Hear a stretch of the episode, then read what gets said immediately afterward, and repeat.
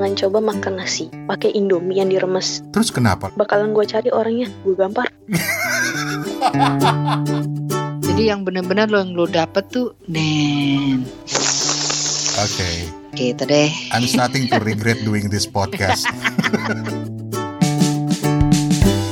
Hey there, apa kabar? Ketemu lagi di Suarane Podcast bareng gue Rane Hafid, masih dari Bangkok, Thailand. Sawadee kap, Assalamualaikum kap, Sabai di my cup. Mudah-mudahan sehat semua, baik-baik. Uh, kalau lo denger episode ini, ini adalah salah satu segmen baru dari Suarane Podcast yang mengangkat tema makan yang gue sebut sebagai segmen makan untuk ngoceh. Yo cuy, makan itu untuk hidup bukan hidup untuk makan, tapi di Suara Naik Podcast, gua makan untuk ngoceh. Udah ketebak dong, isinya bakal nggak jauh-jauh dari urusan perut, tapi lebih dekat lagi dengan urusan hati. Tak elah, gaya lundut. Jadi, um, makan itu cuy, salah satu kesukaan gua selain buku dan ngobrol, selain ngoceh juga gitu. Nah, segmen apa aja yang ada di Suarane Podcast untuk tahun 2019 ini yang pasti akan berbeda dari tahun lalu, uh, seperti segmen ini, salah satunya. Dan selengkapnya, entarlah gue ceritain aja di website gue, ntar gue ceritain di website ya. Udah lapar cuy, udah keburu lapar nih, kita mulai yuk.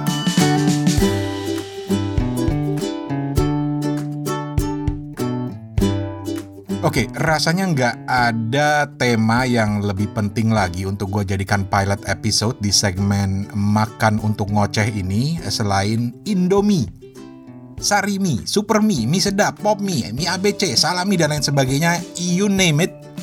Pokoknya tentang mie instan dan kawan-kawannya yang selama ini sering banget kita take for granted gitu istilahnya. Padahal cuy, tahun 2017, ini data dari tahun 2017 ya, Indonesia itu ada di peringkat kedua konsumen mie instan terbanyak di dunia setelah Cina dan di atasnya Jepun bahkan. Uh, yang kita kenal sebagai negara asalnya mie instan. Ntar gue ceritain lengkapnya. Lo bayangin aja cuy, dalam setahun orang Indonesia, kita nih, kita makan 12,6 miliar mie instan men. 12,6 miliar men Buset, banyak ya. Dan untuk itu, uh, gue udah ngundang dua teman baik gue yang akan uh, kita ajak ngobrol soal mie instan. Yang pertama ini anak kos. ini untuk mewakili Lolo, anak kos yang rasanya udah akrab dengan mie instan. Dan satu lagi, nah ini dia nih. Dia ini andalan gue kalau nanya soal makanan. Dia ini udah kayak apa ya? nggak berlebihan lah kalau gue bilang dia ini udah kayak ensiklopedia berjalannya makanan gitu. Dia ini penikmat kuliner dan juga jagoan masak. Saking jagonya cuy, sampai kita teman-temannya dulu, dia ini teman kuliah gue dulu, uh, sering ngejulukin dia dengan chef. Well, from the taste of her cooking, I can definitely say she is a chef. Ini subjektif gue. uh, terus, Gua akan share beberapa quick facts tentang mie instan dan juga hasil survei kecil-kecilan gue di Instagram yang gue lakukan saat nyiapin episode ini. So, ladies and gentlemen, this is segmen Makan untuk Ngoceh, Food Porn ala Suarane Podcast.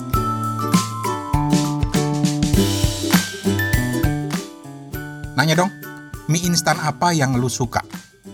Gue sempat ngajuin pertanyaan ini di Instagram Suarane Podcast untuk persiapan episode ini. Thank you banget yang udah ikutan. Thank you banget. Hasilnya 90% lebih memilih Indomie. Indomie, Indomie Diikutin oleh Super Mie, baru mie sedap, pop mie, sari mie, ABC mie pedas, dan mie cup. Rata-rata uh, suka Indomie itu karena rasanya, karena micinnya. banyak yang nyebut micin gitu. Sampai ada Ari di Australia misalnya yang bilang Indomie goreng itu diturunkan langsung dari Taman Firdaus.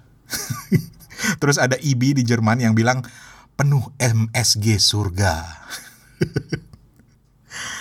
Ari and Ibi sebagai sesama perantau, I feel you man, I feel you banget. Indomie di sini ada sih di Bangkok, tapi nggak enak. nggak nggak serasa di Firdaus. Atau mau yang lebih ekstrim lagi ada Fajar. eh, yang bilang Indomie itu sudah jadi agamaku. eh santai cuy, santai. Ini kadang-kadang ngomongin agama bisa sensitif nih. Lanjut, soal jenis. Indomie goreng itu disebut oleh 75% responden gue. Eh, misalnya ada Nunil, ada Duo Dami nama akunnya, ada akun Ke mana Podcast, terus ada Mbak Nia yang suka Indomie rasa mie Aceh, ada yang nyebut Indomie Coto Makassar kayak Sri Setianingsih, terus ada Indomie rendang yang disebut sama duo host penikmat Daharen. Ini juga podcast kuliner yang keren cuy. Dan banyak, banyak lagi yang nggak bisa gue sebut satu persatu. Thank you banget guys, thank you banget. So, buat mewakili mereka, gue punya satu teman baik, dia anak kos. Eh, quick facts, quick facts. Ngomong-ngomong, lu tahu nggak kalau di Jepang mie instan itu dijuluki dengan nama gakusei ryori. Gakusei ryori. Gakusei itu pelajar atau mahasiswa ya. Jadi makanan pelajar. jelas dong, jelas dong maksudnya. Anyway, tamu pertama gue ini jelas udah bukan gakusei lagi, tapi lebih ke salaryman. Kalau orang Jepang bilang sarariman. Karyawan. Eh, eh karyawati ding. Uh, ini buat mewakili kalian anak-anak kos yang makannya nggak jauh-jauh dari mie instan, mie instan terus. Dan gua kayaknya nggak salah pilih tamu nih, tamu pertama gue ini. Pengetahuannya soal mie instan cuy, hai, lo denger aja sendiri. Nama lu Farah siapa sih? Farah Clara Sinta Rahmadi. Farah Clara Sinta Rahmadi. Apa kabar? Baik. Babe gimana? Sehat nggak? Sehat. Nih satu-satunya orang di komunitas podcast Indonesia yang manggil gua Babe. eh ngomong-ngomong lu masih kos? Masih. Cocok, cocok dengan bahasan kita kali ini. Ketika ngomong Indomie orang ini kan masalah branding.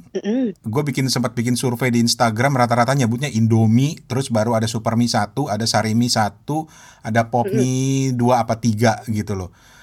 Ya. Jadi preferensi lu tuh merek apa? Jangan khawatir, ini podcast nggak ada yang bayarin, jadi bebas ngomongin merek. Kalau preferensi gue lebih ke salami. Itu mie jadul tahun kapan gitu, salami sebelum Indomie. Itu yang yang ada maskotnya orang pakai turban itu belum bukan sih? Ya ya. Iya. Warnanya hijau. Heeh. Putih apa hijau? Oh. Oh, itu deh. Dua itu deh. Kenapa? Eh, salami itu persis banget kayak Indomie. Cuma dia komposisi kecap manisnya lebih banyak. Kan gue agak demen yang manis-manis kan. Hmm. Jadi cocok aja. Tapi habis itu salami hilang. Patah hati deh. Gue udah nggak pernah lagi ketemu sih. Iya, itu tahun anak 2000-an pasti tahu tuh. Anak 2000-an ya. Oh, gua gua anak 2005 nggak tahu gue.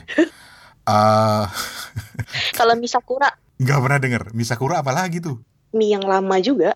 Sampai sekarang di dekat kosan gue ada tuh satu yang jual. Itu rasanya kayak apa? Karena patokan gue itu udah Indomie, Super Mie, udah gitu loh. Dia rasanya kayak Indomie tapi lebih hambar sedikit. Oke.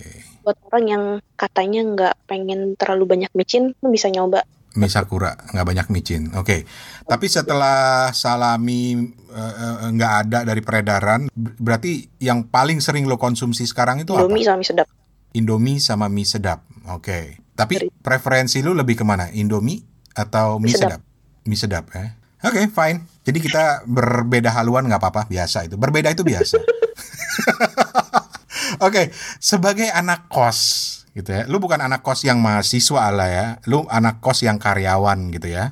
Lu m- preferensi lu memasak mie sedap lu itu kayak apa sih? Gue lebih suka ketika masak mie itu nggak terlalu lembek. Artinya dia masih ada keras-kerasnya dikit, Mhm. crunchy.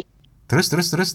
Pernah nggak sih ngerasain zaman waktu SD lu dibekalin sama emak lu Mhm. eh Indomie taruh di Tupperware Mhm. makannya kayak pas pulang minyak kan udah ngotak udah lebar gitu kan tapi Mm. anak enjoy gitu tapi ketika udah gede men itu penistaan jangan Tar dulu. Tupperware-nya balik dong. balik dong kalau nggak balik itu cari perkara namanya Cari janganlah lo. Lo nggak bisa pulang lo kalau nggak balikin Tupperware. Oke, nama gue dicoret lagi dari warisan dari warisan, dari daftar keluarga. Oke. Kena kenapa pada akhirnya gue nanya kepo banget pengen nanyain semua orang lu masak indominya gimana? Karena gue jujur gue lagi nyari ide gitu loh. Gue udah bosen. Padahal eh, Indomie itu comfort food gue gitu loh. Tetapi begitu-begitu terus masaknya. Nah, lu kalau di kos-kosan masak mie lu gimana? masak mie Ya, tadi lu udah Oh. bilang ya nggak terlalu lembek gitu ya. cuma dua dua setengah menitan Mm-mm, sekitaran segitu deh gue mm-mm, kadang gue tambahin sama sambal roa mm-mm. gue campur nasi. Radikal gue kayaknya. Terus kadang kan yang paling sering gue kan gue pengen diet gue pengen diet tapi pas kecium gue indomie oh god. Hmm. jam 12 malam gue cium indomie aduh lapar tuh. Masak indomie gue campurin tuh sayur banyak-banyak. Mm-mm. pernah. Biar nggak merasa bersalah kan? padahal sama aja salahnya gitu kan Terus? udah gitu gue makannya nggak satu dua bungkus gitu kalau misalnya gue lapar gue bisa makan lebih dari tiga makan empat Empat bungkus. Terus pakai nasi lagi. kalau lapar banget sih Gila. harusnya gue gue ini ya bikin mukbang ya Iya, bener. Lu harusnya bikin mukbang. Tuh ada satu yang di YouTube tuh yang channel mukbang yang dia bikin mukbang tapi Indomie goreng. Itu sampai Oh, Yuka.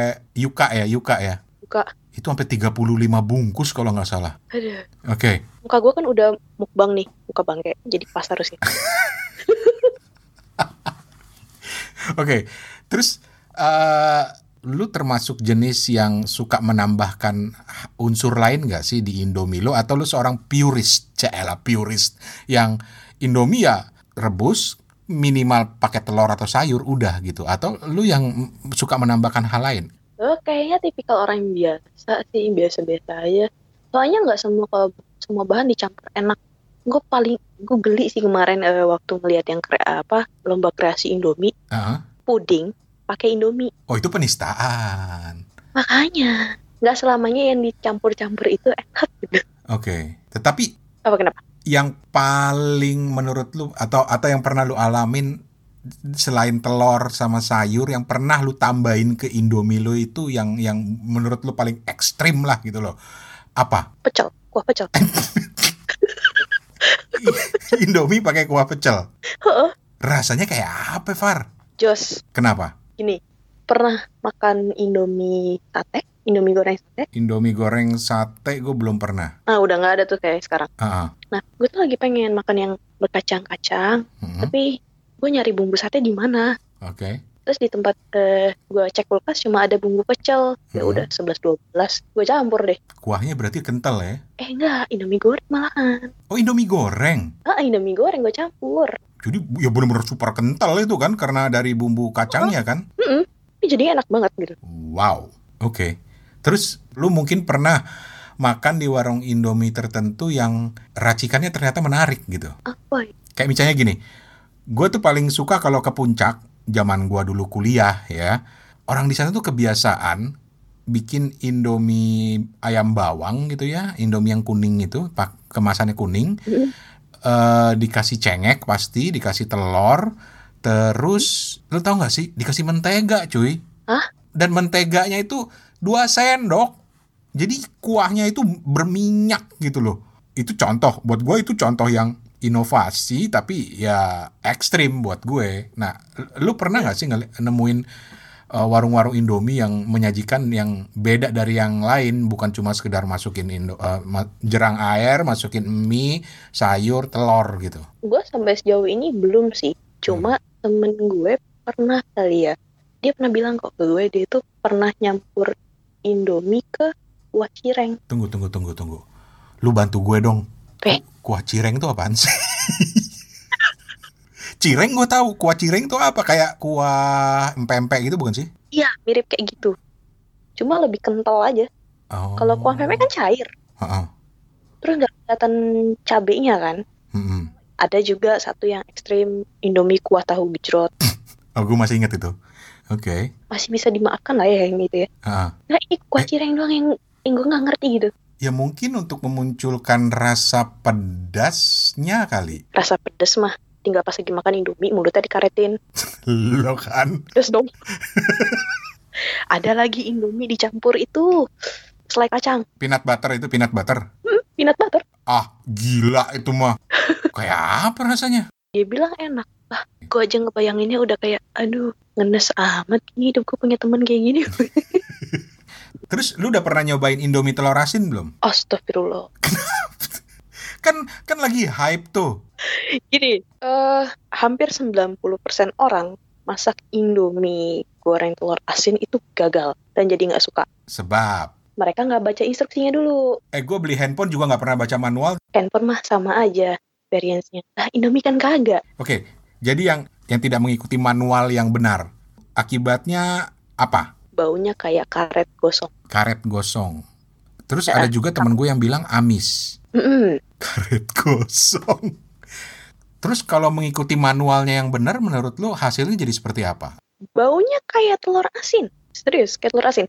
Dan ketika aftertaste-nya setelah dimakan itu cepat hilang. Oke. Manual yang benar kayak apa sih? Gue jadi penasaran. Karena gue masih ada satu bungkus nih di rumah nih. Oleh-oleh adik gue yang lagi main ke Bangkok nih. Gue nggak mau salah dan akhirnya ujung-ujungnya gue makan karet nih. Ya kan lu tinggal lihat belakangnya aja, Be. Oke. Orang tuh suka nyepele ini ininya sih. Padahal di belakangnya dia beda itu. Gue lupa susunan apanya yang duluan ditaro. Oh ada urutannya. Oke. Lu bikin gue lapar loh. Ih, makan lah. Tapi gini, gue sempat kecewa sama Indomie Mhm, karena sekitar tahun 2005 mhm. dia berubah dari bubuk cabe jadi sambal Ulang-ulang. Dari bubuk cabe diganti ke sambal. diganti ke sambal. Sambal tuh berarti yang yang cair ya. Mm-mm. Oke. Menurut gua itu mengurangi cita rasa Indomie sekitar 60-70%. Gila lu, lu sampai bisa begitu ngitungnya. Tapi masih ada kok bumbu cabenya itu, bubuk cabenya masih ada. Beberapa beberapa daerah, tapi sisanya kebanyakan diekspor ke luar negeri. Itu Oh. pun juga kadar bumbu micinnya dikurangi. Ya, gue kalau beli di Bangkok eh, Indomie goreng favorit gue nggak nggak enak, beneran nggak enak. Dan atmosfernya juga nggak enak kan makan di Bangkok sama makan di Indo. Itu dia. Bahkan gue lebih suka warung Indomie. Jadi gue mau eh, lapar kayak apa pun di rumah dan gue lagi pengen Indomie, mendingan gue jalan kaki ke warung Indomie terdekat. Kenapa? ya? Pancinya kagak diganti airnya. Wah, lu jorok lu ah. Kalau gua terusin ntar tambah jorok. Oh ya udah, jangan jangan jangan jangan jangan. Ini acara ini justru tujuannya untuk membuat orang lapar. Dan terakhir pesan lu untuk para penggemar Indomie di seluruh Nusantara. Ah, gue nggak bilang Indomie lah. Indomie mie sedap, sari mie, salami segala macam. Pokoknya untuk para penggemar mie instan sesama teman-teman komrad lu. Hmm, gue cuma bisa pesan, jangan jadi orang radikal. Jangan coba makan nasi pakai Indomie yang diremes. Yang dikeremes dalam artian tuh nggak direbus dengan nasi. Bumbunya di mana- dikemanain? Dicampur. Jadi jadi mie remes itu dicampur. Oh iya deng, di Instagram ada yang bilang begitu juga. Jadi mie remes dicampur bumbu terus diaduk sama nasi. Terus kenapa lo berpesan seperti itu? Bakalan gue cari orangnya. Gue gampar.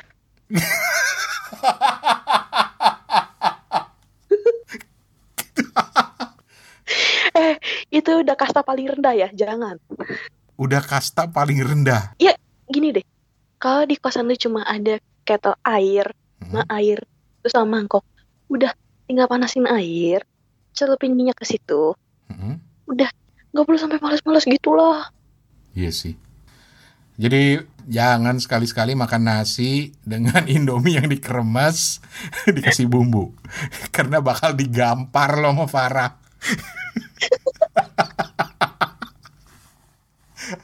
ya wes, Farah, thank you banget Farah. Thank you, Babe.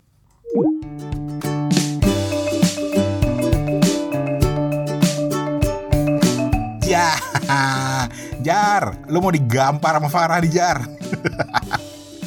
Fajar tuh soalnya ngaku suka makan eh, mie instan dikremes mentah gitu ya, terus dimakan sama nasi. Ya, itu mas masalah selera, masalah selera. Kalau Farah emang cerewet banget nih soal beginian nih. Dia cerewet banget soal bagaimana lu memperlakukan mie instan dengan manusiawi. Aduh. Oke, terus tamu gua berikutnya ini, ah men, awalnya sih gue takut. Asli gue takut karena ngebayangin dia ini udah level yang yang apa ya chef gitulah nggak apa-apa ya Win gue sebut lu chef ya.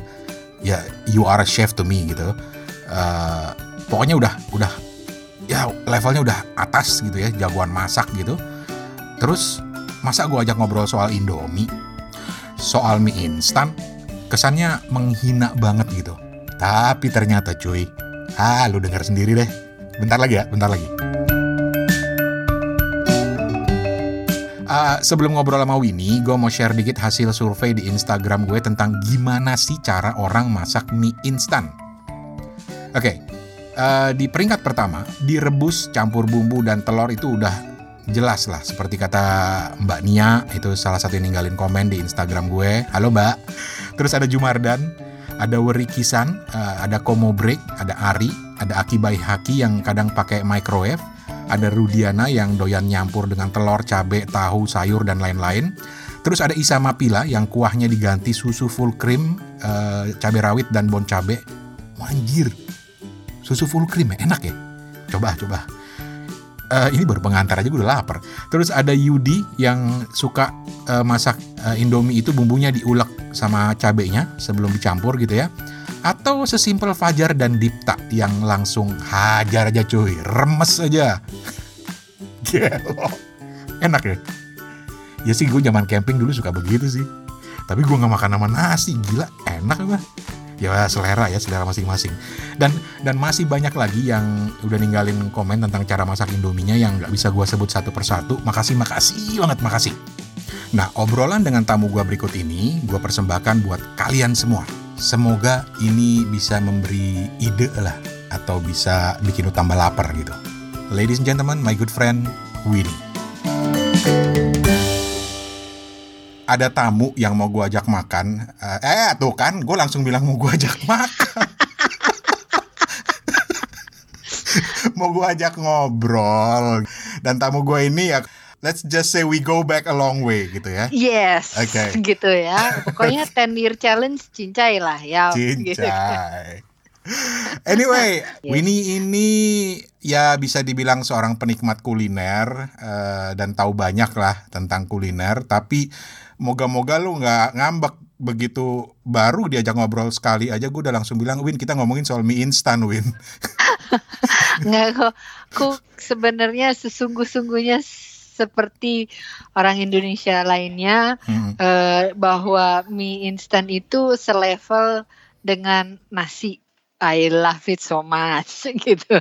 Lebih ke pembatasan diri aja. Lo termasuk yang jangan-jangan makan mie instan dengan nasi lagi. oh iya dong, that's the only way gitu kan.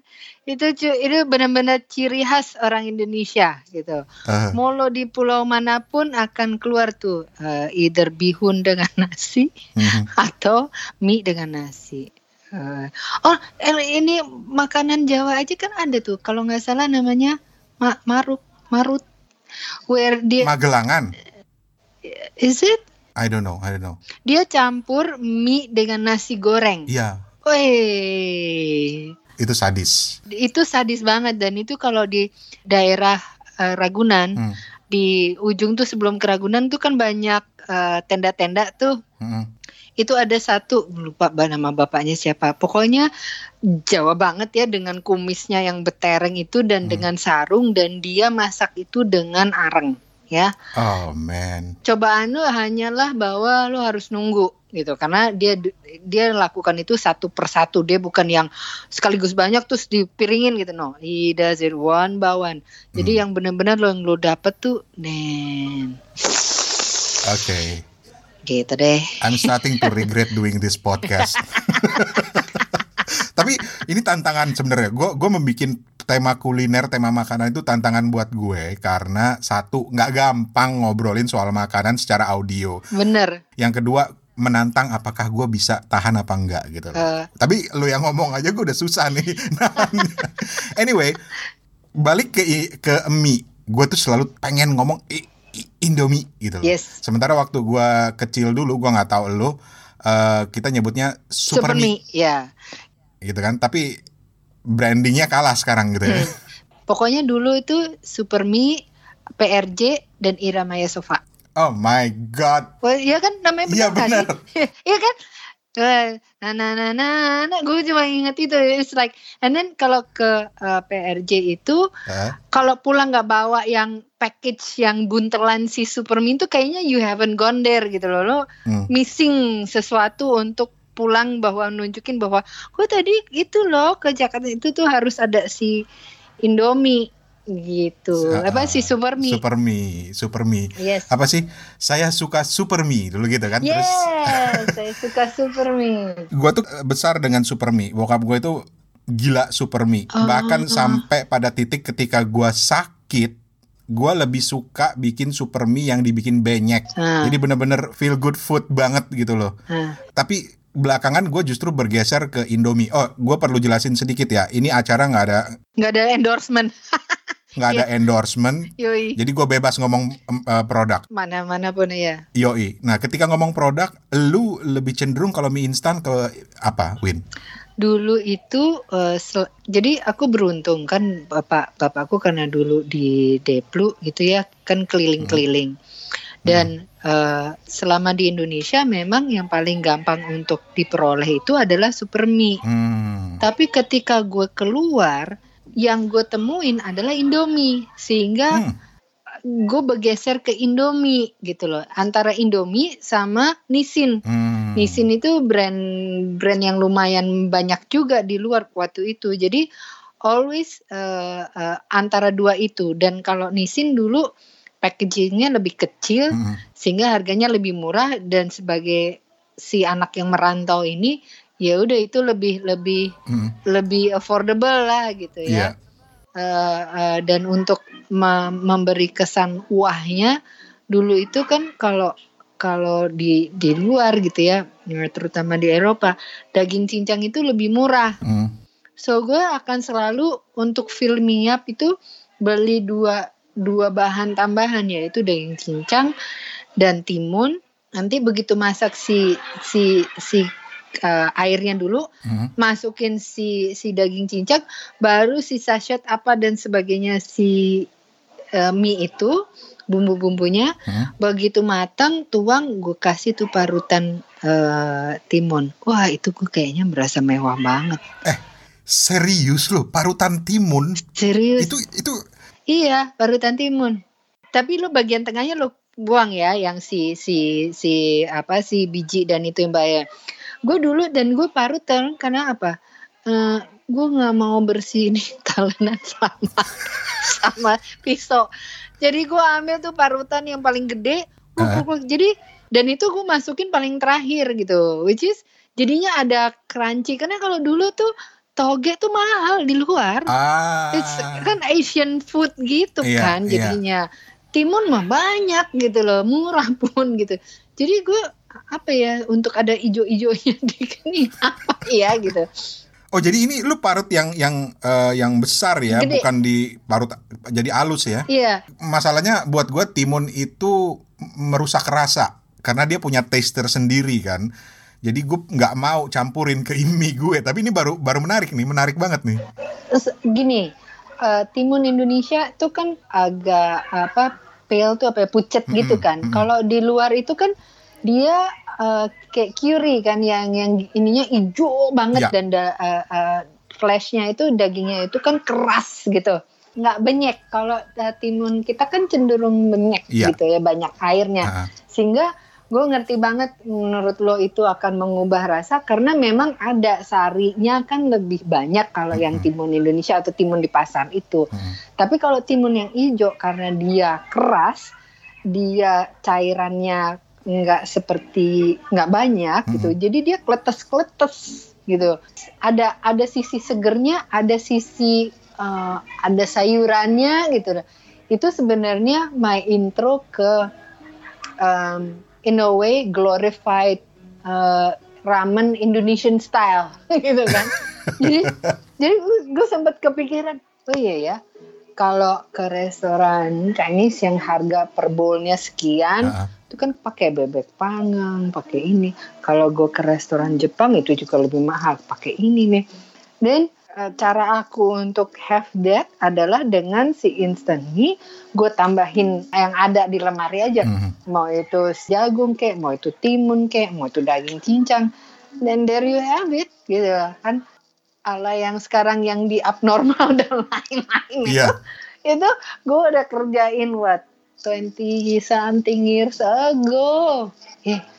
no no no no not even not even 20 years ago 30 years ago gue nggak ngomong loh, Win, lu yang ngomong loh. gue yang ngomong karena gue yang holy tunggu tunggu. Gue kan waktu itu umur gitu di otak gue. Uh, uh, uh, uh. Which is sekarang quote unquote life skill itu yang gue turunin ke anak gue gitu kan anak gue itu hmm. dari SMP uh, eh, first course-nya dia untuk masak masak itu gue kasih tahu ya nih Indomie terus dia ngeliatin gue game Mom, I know how to make it. No, you know, kamu tahu gimana cara bikin Indomie biasa. Hmm. Nih, Mama ajarin kamu untuk bikin Indomie luar biasa. Itu cuman bilang, tar ya, kalau lo udah kuliah udah jauh dari gue terus uh, teman-teman lo pasti lebih cinta sama sama mak lo karena mak lo yang ngajarin lo gimana bikin mie lo enak banget. Jangan-jangan ntar uh, Justin dapat pacarnya dari Indomie. oh, iya, gue gue udah bilang nanti ya kalau lo udah mulai demen cewek, uh. you will thank me. Uh, cewek-cewek pasti pada ke rumah Justin ya dia lagi masak gitu. Jadi you kamu pasti nanti thanks mama. He will definitely thank you. Uh, uh, gue rasa lo akan jadi cowok yang paling disayang cewek-cewek karena cewek-cewek sekarang jarang juga yang bisa masak dan itu emang terbukti. Terus uh, dulu tuh sampai aku pernah bikin pepes mie. Wait, wait, wait, wait. Ini ini ini agak mind blowing buat gue nih. Pepes mie. Mie instan ya? Mie, mie instan. Oke. Okay. Uh, uh, eh, gue cuma berpikir, oke, okay, uh, waktu itu lagi mahasiswa dan lo masak itu adalah emang di saat-saat lo lapar banget mm-hmm. gitu kan mm-hmm. so kadang-kadang mind over over stomach gitu mm. pikiran lo adalah gue makan segini tapi sebenarnya perut lo nggak mampu gitu so mm-hmm. aku selalu ada kayak leftover suatu kali leftover itu cukup banyak terus kan taruh di kulkas ya what do I do zaman itu kan belum ada microwave gitu yeah. dan kalaupun ada itu benda yang mewah banget untuk hmm. seorang mahasiswa jadi akhirnya nggak ada daun pisang adanya aluminium foil gue masukin tuh simi yang udah empuk dengan kuah-kuahnya udah kesedot semua -hmm. cuman sisa sedikit gue campurin dengan uh, chili sauce yang ada itu telur sedikit tepung ya kasihin lagi garamnya. Gue fold di dalam aluminium foil gue bikin lapis dua terus gue gulung kayak lumpia. Gue kukus. Jadi lo bus. Jadi.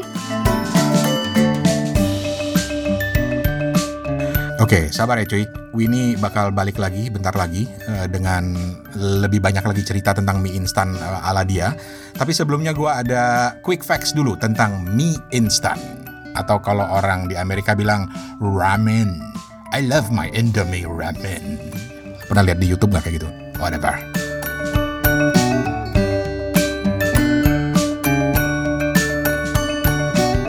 Oke, okay, quick facts. Siapakah yang paling layak disebut sebagai bapak mie instan dunia, penemu mie instan dunia? Ting ting. Jawabnya Momofuku Ando dia ini orang dia itu lahir di Taiwan tapi kemudian ya menghabiskan kehidupannya di Jepang gitu. Jadi orang Jepang lah bisa dibilang begitu. Di tahun 1958 ketika Jepang lagi krisis ekonomi, si Bapak Momofuku Ando ini penasaran. Dia ini bukan orang kuliner, bukan chef, bukan tukang masak gitu, tapi dia bereksperimen mengolah mie ramen yang kemudian dikeringkan. Kalau nggak salah digoreng gitu ya, eksperimen awalnya itu digoreng. Terus nanti kalau mau dimakan, tinggal disiram sama air panas sampai ngembang lagi mie-nya gitu. Nah, nah kemudian Momofuku Ando ini dianggap sangat berjasa bukan hanya bagi Jepang tapi bagi dunia. Coba aja lihat, kalau ada bencana di mana-mana, barang apa yang paling sering lu lihat ditumpukan sumbangan? Mie instan joy, mie instan. Jadi wajar ketika tahun 2006 majalah Times uh, menjulukinya atau memasukkannya dalam jajaran para Asian Heroes, pahlawan Asia. Nah, kalau lo ngaku penggila Indomie, lu kudu melengkapi kegilaan lo dengan melakukan ziarah ke Osaka, Jepang. Di situ ada yang namanya Insutanto Ramen Hatsumei Kinenkang. Ini museum, uh, museum mie instan tepatnya yang didedikasikan untuk mendiang Momofuku Ando. Begitu, quick facts kali ini. Lanjut lagi. Hey guys, masih di Makan Untuk Ngoceh Ini adalah Food Porn ala Suarane Podcast, salah satu segmen dari Suarane Podcast dan uh, masih bareng sama teman gue, teman baik gue Winnie. Dia akan share beberapa tips praktis yang cocok buat kalian anak kos. Dan seperti gue bilang tadi dia tuh uh, paling keganggu dengan pola pikir uh, misalnya ya gue kan anak kos jadi ya ginilah makanan gue paling mie instan paling indomie oh no no no no no no no no salah lu kalau ngomong kayak gitu sama Winnie. Salah besar men. Siap-siap aja lu dikuliahin sama Winnie. Gue punya temen banyak yang ngekos gitu kan. Terus gue suka keganggu dengan ya habis kan gue ini kosnya makanya ini. What? Ke bang. Jadi gue tuh gue akan datang ke tempat kasih lihat dia nih dengan hmm. oats lo bisa menciptakan ini ini nih dengan indomie lo bisa bikin ini ini nih dengan nasi sisa lo bisa bikin ini, ini. sampai temen gue tuh de, dengan kondisi bahwa tempat kos dia uh, tidak punya pantry dan dia cuma punya kulkas dan toaster itu gue bisa sampai lasanya gue gue ajarin tuh gimana caranya bikin dan itu dengan modal si Indo Indomaret dan warteg saudara Jaya di sebelah gitu kan. Aha. Dan itu kan selalu bersebelahan ya, kos, Indomaret atau Alfamidi, warteg. kan Yoi. itu deretannya selalu begitu. Jadi gue selalu bilang, oke okay, sekarang lo mau mau Indomie apa? Uh, soto. Oke, okay, fine. Uh, ke Indomaret kan ada telur ya, ada mm -hmm. si Indomie, mm -hmm. si soto ayam lo tinggal ke warteg sebelah lo pasti kan ada tuh belado telur mm-hmm. Uh, sama beli ayam goreng even ayam abis lo makan pecel ayam lo nggak habis ayamnya ya jangan dibuang gitu nggak mungkin mm-hmm. dong. Oh, udah lo suwir-suwir taruh ke Indomie rasa soto telur belado dari warteg sama ayam suwir bekas pecel uh, pecel ayamnya. Done kan That's a real meal. Oke. Okay. Itu kan makanan bener itu gitu. Nggak sekedar cemplang cemplung mie telur, udah yang penting kenyang. Jadi gini, dengan hmm. lu nambahin umpamanya si belada telur gitu ya, itu dari kan di belado itu ada bumbu, ada bawang, ada bawang putih, ada sambal. Aha. Itu nanti kecampur dengan kuah, yang kuahnya jadi kental dan lebih lebih legit gitu loh umami flavornya dapet. Bener juga. Iya gitu. So lo makan umpamanya lo beli nasi uduk gitu ya. Lo beli nasi uduk lo uh, taruhlah lo beli dengan uh, semur jengkol, uh, ikan tongkol belado, uh, sama bihun. Yang pasti adalah si bihun hmm. sama jengkol apa kan ber, uh, habis tuh. Yeah. Biasanya si tongkol tuh nggak habis, iya kan? Si tongkol nggak habis. Jadi jangan buang. Masukin nanti ke mie rasa bawang. Oh man. Ayo. Terus lu tinggal suwir-suwir ya kan? All the sudden lu dapat uh, alat tunanya agli olio dengan mie dengan kuah itu kalau panas-panas, min, you got your protein. Itu tadi survivability tips dari Winnie. Ya lu beli si nasi uduk pasti dapet tuh potongan timun. Uh. potong aja gitu yang bagian tengah banyak-banyaknya lo buang. Lo tinggal ujung-ujungnya lo uh, potong-potong panjang-panjang gitu lo dapet deh tuh seruput-seruput. Ada kletes-kletes dari timun, uh. ada si tongkolnya, kenyang tuh Indomie. Udah bukan atau si super mie itu bukan sekedar mie lagi, tapi dengan terus campuran itu uh, dia jadinya lebih lebih mhm. rich ya. Mm-hmm. Ngiler nggak lo? Ngiler lo. Ampun, ampun, ampun, beneran ampun. Iya. Oke, okay, itu tadi dari survivability ya dengan segala keterbatasan sekarang iya. orang Indonesia itu mau udah tinggal di gedung di apartemen yang bagus tetap kalau ke supermarket pasti hmm. di keranjangnya ada Indomie gitu atau mie instan gitu kan so if you have all the luxury dengan segala macam uh, lu bisa beli apa aja. Iya.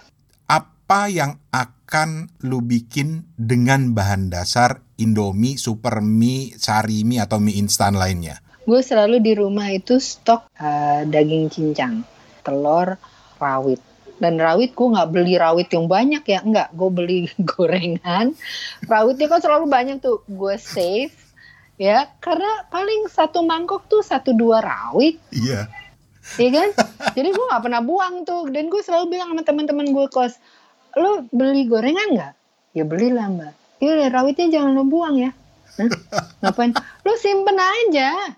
Lo simpen itu kan tinggal lo bungkus tisu bawa pulang. Tar malam, lo tengah malam ya, lo ke on the way sebelum masuk ke kos, lo kan beli tuh uh, apa kornet lah, apa sosis apalah yang cuma satu dua bijian kan di di Alfa tuh pasti dijual kan. Mm-hmm. Kornetnya pun yang kecil gitu bang. Mm-hmm. Udah lo godok air, potong tuh rawit, masukin telur, masukin kornet, begitu dia masak, udah gulung tuh airnya, masukin indomie, kental loh kuahnya, legit loh. Mm-hmm. Anjirit mbak, enak banget tuh, emang gue bilang gitu. Eh iya, iya kan. Uh-huh. Dan itu bukan yang lo harus ke mana-mana tapi kalau if you if you ask me lo harus di rumah itu selalu ada uh-huh. daging cincang uh, bakso ikan karena aku dan anakku penggemar bakso ikan uh-huh.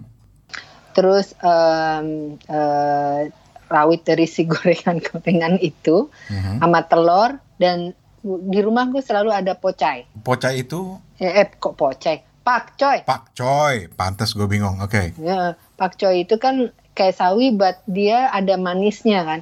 Itu selalu ada di rumah. Jadi hmm. any time of the day anakku bilang mama uh, gitu kan. No hmm. I'm not transferring GoPay sorry. Gitu kan. Masih ada bahan ini ini ini oh ya gitu. Uh. so itu yang selalu ada di rumah. Dan di rumah itu selalu ada dua yang goreng sama yang kuah dan selalu ada oh deh, minyak wijen. Oke. Okay. Jadi minyak wijen itu selalu uh, ku tambahin sedikit di akhir karena aromanya jadinya lebih apa ya lebih wangi gitu, lebih wangi dan emang ada ada tambahan rasa yang lebih uh, umami lebih mendalam dengan si si sesame oil itu. Mm -hmm. Wow. wow. Indo. Indomie atau uh, Supermie atau Sarimi itu kan macam-macam rasa ya sekarang ya bahkan terakhir yang lagi hype tuh Indomie telur asin gitu. Hmm. Tapi kalau preferensi terhadap mie instan tuh yang apa? Kalau yang kuah di rumah itu selalu ada rasa bawang. Oke. Okay. Any brand. Kenapa? Karena onion atau garlic flavor itu udah kasih depth menurut aku. Jadi yang lagi kekinian itu mau itu empal gentong mau itu uh, telur asin. telur asin. Ada face-nya and then you get bored gitu. Mm-hmm. kalau bawang itu kalau mau diubah menjadi rasa soto bisa ya. Uh, mau diubah ke rasa kare bisa gitu. Uh, tapi kalau kalau udah beli yang soto atau kare kan ya udah rasanya kan itu aja gitu mm-hmm. kan. Uh, kalaupun lagi cari yang bawang itu nggak ada ya udah akhirnya ke kaldu ayam pasti dua itu oh, pasti dua man. itu selalu ada net, net my netral base tuh itu Oke. Okay. Iya. Yeah. Lain kalau orang jagoan masak yang ngomong jadi ada ada base-nya. Bener juga sih karena bawang itu jadi kayak kayak base-nya gitu ya. Iya. Rasa yang paling dasar ya. Rasa yang paling dasar. So ketika lo nyampurin dengan belado, lo kemarin makan di Padang tuh lihat kikil cabe hijau, nasi uduk dengan empal gitu ya. Aha. Empalnya masih ada sisa. Itu tinggal disuir. Udah udah jadi bagian tambahannya ke si mie instan itu kan si Indomie atau sari mie itu. Mm -hmm. Which is gini loh, kadang-kadang tuh ya ini kan masalah main ya uh, kadang aduh sedih banget ya gue cuma Indomie malam ini. Padahal there's nothing wrong with Indomie atau Saria whatever itu. Hmm. tapi ketika dari effort si mie instan itu lo kasih tambahan suwiran daging hmm. lo kasih suwiran si sayuran gitu potongan secara apa psikologis lo melihat itu sebagai full meal. Lo nggak ngelihat lagi sebagai gue lagi susah nih jadi cuma makan ini. Itu nggak ada. Karena yang secara visual lo yang lo lihat itu makanan yang cantik yang yang enak.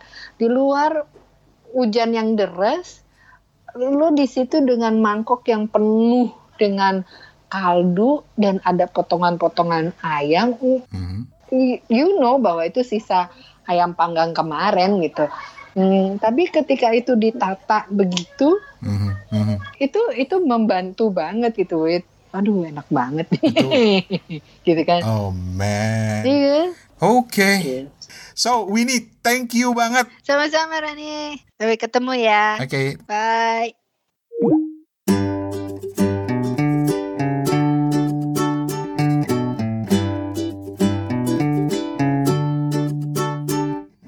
There you go guys, Winnie. Chef Winnie if I may. gue pribadi sih seneng ngejulukin dia chef. Lebih tepatnya chef Jengki. Oh man, olahan jengkolnya man. Oh mama mia. Mwah. Lo kalau nggak percaya, ntar, ntar gue ajak lagi ngomongin jengkol. Ya Win ya, mau ya Win? Oke. Okay. Um, apa lagi? Uh, Oh ya, kalau lu udah dengerin episode ini, jangan lewatin episode bonus ngobrol dengan Winnie. Jadi ada bagian obrolan gue sama Winnie yang panjang emang dan sayang kalau gue buang gitu ya. Tapi nggak terkait sama mie instan secara langsung gitu. Jadi itu gue potong dan gue jadikan episode bonus.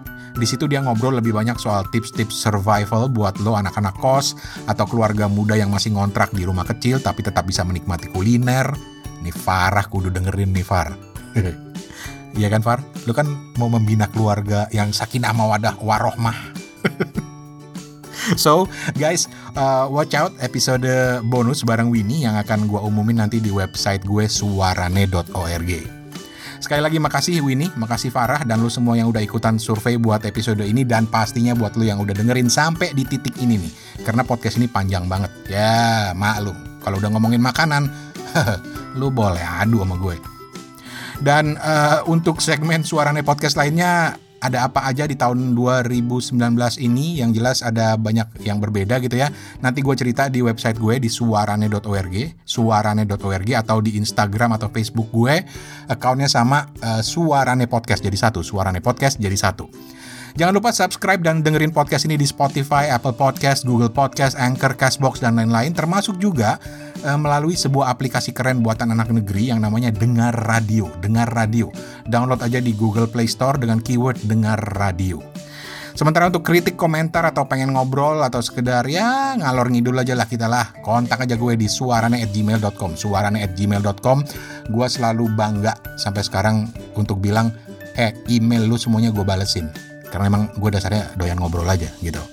Dan terakhir sekali ini disclaimer, cuy, gue sadar banget banyak kontroversi soal mie instan, terutama soal bahayanya bagi kesehatan. Sampai ketika gue survei, uh, ada tiga atau empat orang yang bilang, eh gue, udah lama nggak makan mie instan. Iya, gue gua, gua sepenuhnya sadar akan hal ini, tapi cuy, prinsip gue dan semoga lo sepakat ya, bahwa moderasi itu penting in moderation. Everything should be in moderation gitu. Maksudnya jangan berlebihan, jangan berlebihan. Yang berlebihan itu nggak baik. So, jadi disclaimer terakhir, please eat mie instant in moderation.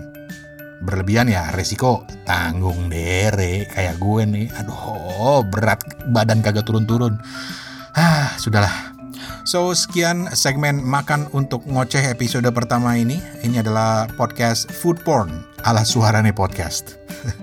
oh ya, ada yang ketinggalan. Kalau lu suka podcast dengan tema kuliner, tema makan, habis ini, habis dengerin ini, langsung aja cari di Spotify juga udah ada ya. Cari aja uh, namanya Penikmat Daharen. Ini salah satu podcast kuliner favorit gue. Penikmat Daharen. Uh, Daharen, Daharen itu E-nya itu pakai EU ala Sunda gitu, Daharen uh, rekomendasi tempat makan dan cerita-ceritanya cuy. Ajib banget. Di situ dia sempat misalnya ngobrolin soal uh, warung-warung makan yang pakai jimat atau pakai aji-ajian gitu.